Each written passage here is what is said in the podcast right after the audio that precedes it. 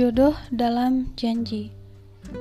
Ketika telah ada yang serius untuk menikahinya, justru calon mempelai terikat oleh janji lain. Dan ternyata, seseorang di sana ingin menagih janji Nirmala 10 tahun silam. Selangkah menuju pelaminan harus batal karena janji-janji.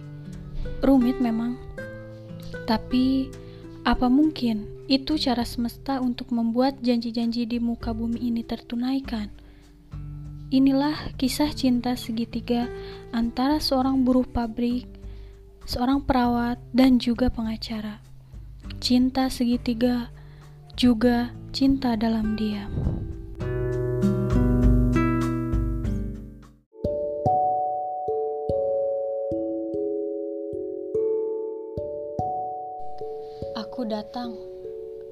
Untuk menagih janjimu 10 tahun yang lalu. Masihkah kau ingat? Ucap seorang pria dengan pakaian serba putih. Ada list berwarna orange di lengan pendek yang tersemat. Kamu di di sini? Ucap Nirmala terbata. Sudah seminggu aku memperhatikanmu, menyaksikan Apakah benar kau yang telah membuat janji itu untukku? Pria itu menatap dengan tatapan yang menusuk. Janji apa? Nirmala belum tahu maksud dari laki-laki di depannya. Ia hanya ingat jika laki-laki yang sedang berhadapan dengannya di lorong rumah sakit adalah teman sekelasnya dulu.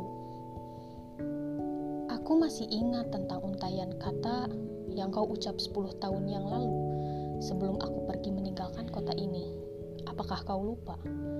Laki-laki itu berjalan pelan mendekati Nirmala yang tengah sibuk. Sibuk dengan aktivitas dalam benaknya. Membuka perlahan memori dan lembaran tentang janji. Maaf, sepertinya Anda salah orang. Saya tidak memiliki janji apa pun kepada siapa pun. Nirmala membalik tubuhnya berjalan tergesa menjauhi laki-laki yang tiba-tiba datang menagih janji. Laki-laki itu hanya bisa memandangi sosok Nirmala yang sudah menghilang di balik lorong. Ia takkan menyerah untuk mendapatkan janji yang seharusnya ia miliki saat ini. Janji yang terucap 10 tahun silam di sudut ruang laboratorium komputer. Nirmala melupakan itu semua karena tak pernah menganggapnya penting. Tapi tidak bagi laki-laki ini yang sangat menginginkan Nirmala. Mengaguminya saja tak bisa ia lakukan. Ia ingin janji itu akan membuat hidupnya sempurna. Sepuluh tahun tak bertemu, tak hanya janji yang akan sama, rasa kagumnya pun tak ada sedikit pun berbeda. Hanya waktu saja yang membuat semuanya seolah tak seperti dulu. Laki-laki itu takkan menyerah untuk meraih janji yang sudah ia tunggu pembuktiannya selama 10 tahun. Dialah Aji Mahesa. Nirmala terbangun dengan tergesa. Keringat mengucur di dahinya.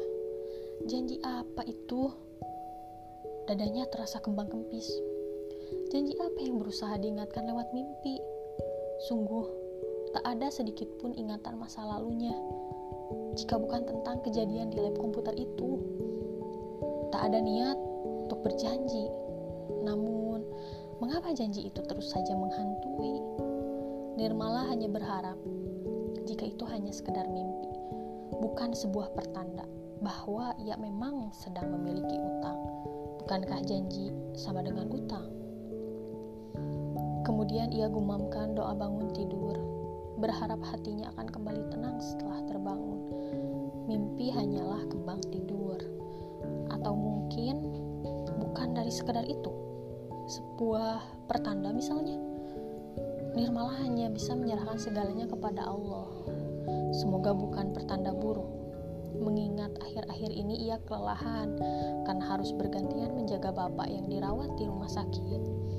Mungkin karena suasana rumah sakit inilah Nirmala sampai bermimpi.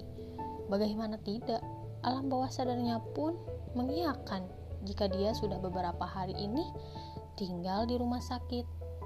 Ketika alam bawah sadar ikut berperan, maka mimpi pun selalu bersangkutan dengan apa yang sedang menguasai pikiran. Nirmala bangun, lalu mengambil air wudhu untuk melaksanakan sholat subuh, melupakan mimpinya dan menjalani aktivitas kembali di dunia nyata.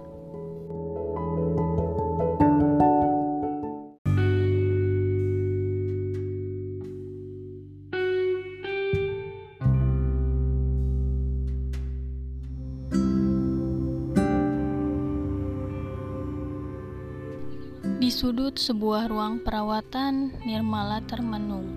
Pikirannya tak luput dari perasaan resah. Sang bapak terbaring lemah sudah seminggu lamanya. Penyakit lambungnya memang terkadang kambuh. Sudah dua hari Nirmala izin tak masuk kerja dan memilih untuk menjaga bapaknya. Kekhawatiran kini tak lagi menggerayangi ketika dokter telah memeriksa Pak Rudi, bapaknya Nirmala dan dokter menyatakan Pak Rudi bisa pulang esok hari. Bapak harus cepat sembuh. Aku gak tega lihat bapak terbaring lemah kayak gini. Aku janji, gak akan buat bingung lagi soal siapa yang akan jadi suamiku. Apa pun yang bapak putuskan, insya Allah aku terima. Nirmala membuka suara ketika membetulkan posisi Pak Rudi dari berbaring menjadi lebih tegak. Bapak sakit memang sudah waktunya saja, Neng. Kalau Neng mau, nanti Bapak bicara sama Bu Retno. Beliau dulu pernah bilang kalau anak tunggalnya itu menyukaimu. Bapak akan tanyakan lagi perihal anaknya itu. Siapa namanya? Hmm, Ra, Rama ya? Pak Rudi memijit keningnya, mengingat sesuatu. Iya, Pak. Arama, sahut Nirmala lembut. Hatinya merasa tak tega jika Pak Rudi harus kebingungan. Rama, hmm. Pak Rudi mengejak kata. Bapak suka sama dia, anaknya sopan. Kalau saja dulu kamu tak malu-malu, menolak karena ingin kerja dulu, mungkin kamu sekarang sudah berumah tangga, Neng imbuh Pak Rudi kemudian. Takdir Pak, aku mana kepikiran nikah cepet, apalagi pas baru lulus banget. Kan pengen nyobain ngehasilin uang sendiri dulu. Nirmala menanggapi kalimat Pak Rudi dengan hati-hati, takut membuat bapaknya sakit lagi dan penyakitnya kumat kembali. Pak Rudi tak lagi menanggapi, senandika memenuhi ruang hatinya. Nirmala pun seolah melakukan hal yang sama, lalu ia pindah duduk ke sofa panjang dekat jendela. Assalamualaikum. Salam dari seorang pria dengan pakaian putih-putih yang baru saja masuk ke ruangan cempaka nomor 5. Waalaikumsalam. Silahkan masuk, Pak. Pak Rudi menyahuti pria yang seperti perawat itu. Bapak gimana keadaannya? Tanya Aji, perawat dengan pakaian serba putih. Alhamdulillah mendingan. Kata dokter, besok sudah bisa pulang. Syukurlah. Saya ke sini tidak untuk memeriksa Bapak, hanya ingin melihat keadaan Bapak saja. Perkenalkan, saya Aji, teman SMA-nya Nirmala, putri Bapak. Aji mengambil kursi kosong, lalu mendudukinya. Aji melirik ke arah sofa, melihat Nirmala yang sedang tertidur dengan pulasnya. Rindu yang tertahan lama membuatnya ingin bertukar kata berdua dengan Nirmala. Tapi melihat kejadian pertemuan di lorong kemarin, ia ragu. Ragu jika Nirmala ingat janji itu. Yang sekarang bisa dilakukan Aji hanyalah mendekati Nirmala seperti temannya, bukan seorang seorang penagih janji. Ia akan biarkan Nirmala merasa nyaman dengan kehadirannya. Oh, temannya Eneng. Kok bisa tahu Bapak dirawat di sini? Tanya Pak Rudi. Kemarin Kami bertemu di lorong rumah sakit. Cuma buru-buru, cuma bicara sebentar. Lalu Nirmala pergi, katanya buru-buru. Aji sedikit menambah bumbu kebohongan. Aji sudah tahu beberapa hari sebelum pertemuannya dengan Nirmala. Hanya saja ia tak ingin jujur karena sudah mencari tahu tentang Nirmala. Bapak besok pulangnya biar saya antar ya. Kebetulan besok saya libur. Ucap Aji kemudian. Gak usah Kasep, ngerepotin aja. Bapak pulang naik angkutan umum. Pak Rudi hanya merasa tak enak dengan tawaran Aji, padahal ingin hati diantarkan agar lebih leluasa dan tenang. Beda dengan naik angkutan umum, takut pusing di tengah jalan sebenarnya. Jangan menolak ya pak. Gak usah kasih tahu Nirmala juga, biar jadi kejutan untuk dia. Kalau Nirmala tahu, dia pasti bakal ngerasa gak enak sama saya. Aji mengasung, mengusungkan rayuannya agar ia bisa lebih dekat dengan keluarga Nirmala. Kalau gak ngerepotin mah, gimana Aka sepuailah bapak mah. Seuta senyuman tersungging di bibir Pak Rudi. Ia sudah menebak bahwa pria yang bersamanya ini berusaha mencari perhatian Nirmala. Nah, kalau gitu saya senang. Sekarang saya pamit mau kerja lagi ya, Pak. Assalamualaikum. Aji bangkit, mencium takzim lengan Rudi, Pak Rudi sebelum mengucapkan salam. Beberapa detik menuju pintu, Aji berbalik, menatap Pak Rudi yang tengah tersenyum ramah kepadanya, lalu melirik Nirmala yang sedang pulas tertidur dengan posisi duduknya. Saat tubuh Nirmala bergerak, Aji bergegas menuju pintu.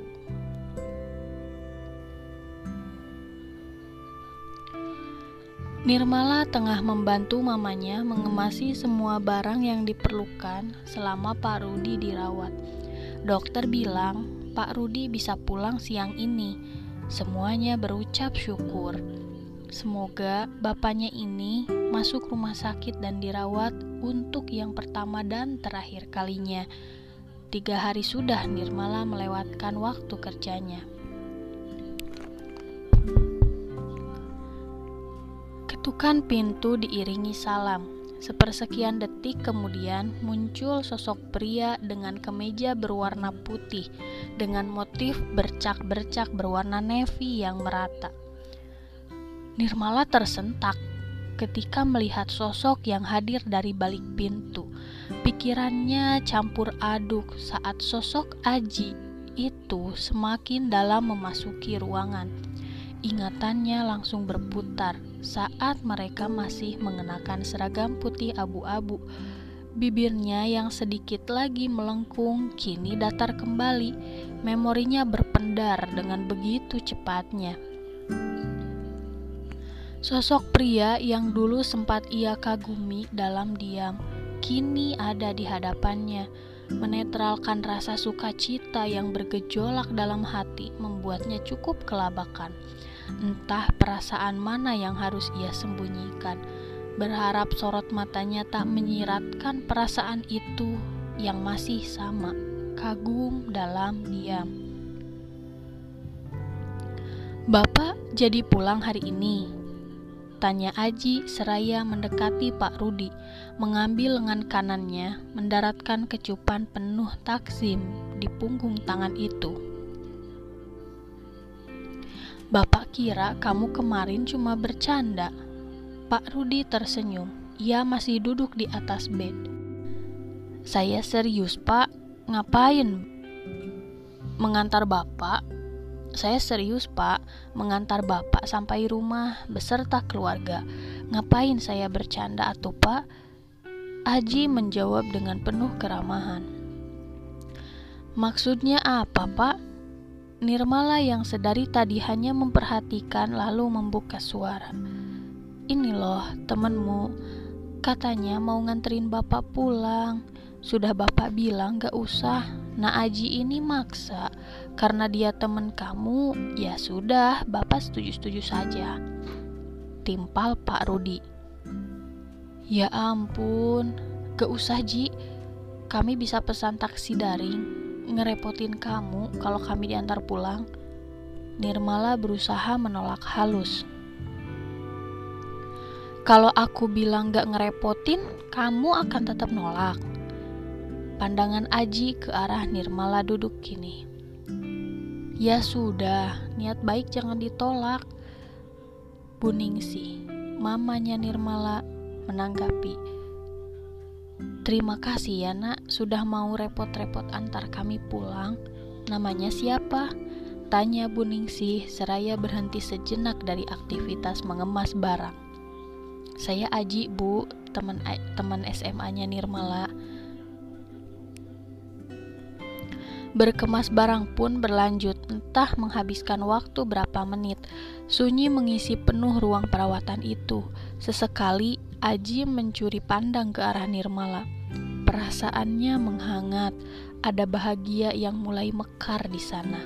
Sosok Nirmala adalah gadis yang berhasil membuat dia menolak puluhan gadis yang menginginkannya setelah kenal dengan Nirmala. Nirmala yang merupakan bintang kelas membuat Aji cukup sadar diri kala itu. Dia bukan pria yang pantas untuk Nirmala. Bahkan PR pun masih sering menyontek dari teman sebangkunya. Tapi luapan rasa untuk Nirmala tak pernah bisa ia bendung. Sampai akhirnya ia harus pergi meninggalkan kota Garut menuju ke Tangerang. Orang tuanya dipindah tugaskan Mau tidak mau, sekeluarga harus ikut pindah. Namun, rasa kagum Aji kepada Nirmala tetap ia tinggalkan di kota Garut.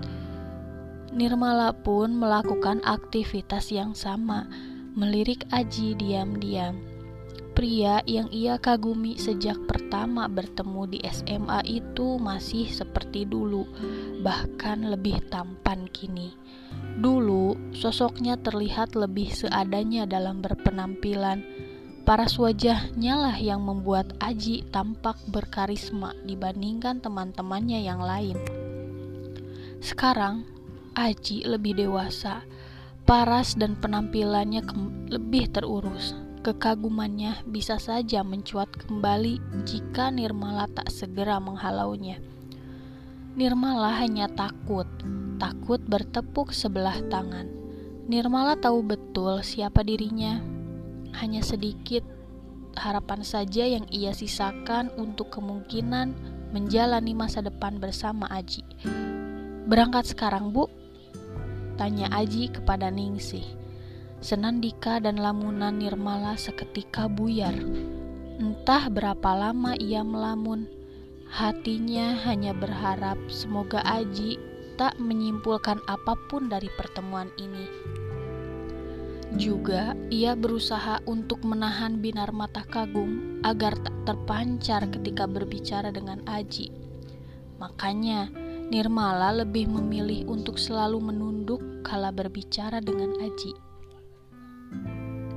Boleh, tapi ibu ke bagian kasir dulu ya, mau bayar sisa biaya perawatan bapak Buningsih merogoh dompet dari tas kulit berukuran sedang.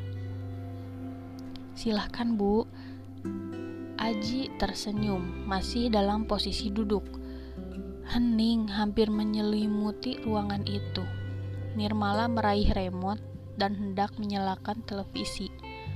Sudah lama kerja di sini, Nak? Tanya Pak Rudi kepada Aji. Lumayan, Pak. Sekitar lima tahunan kalau saya gak salah hitung. Cetus Aji. Pak Rudi mengangguk. Pintu terbuka. Buningsih masuk dengan tergopoh mendekati Aji. Nah Aji ini kok mau repot-repot begini? Ibu ganti uangnya ya? Ningsih Buningsih menyodorkan lembaran berwarna merah yang digulung, entah berapa lembar, tapi cukup tebal. Nirmala mengernyit.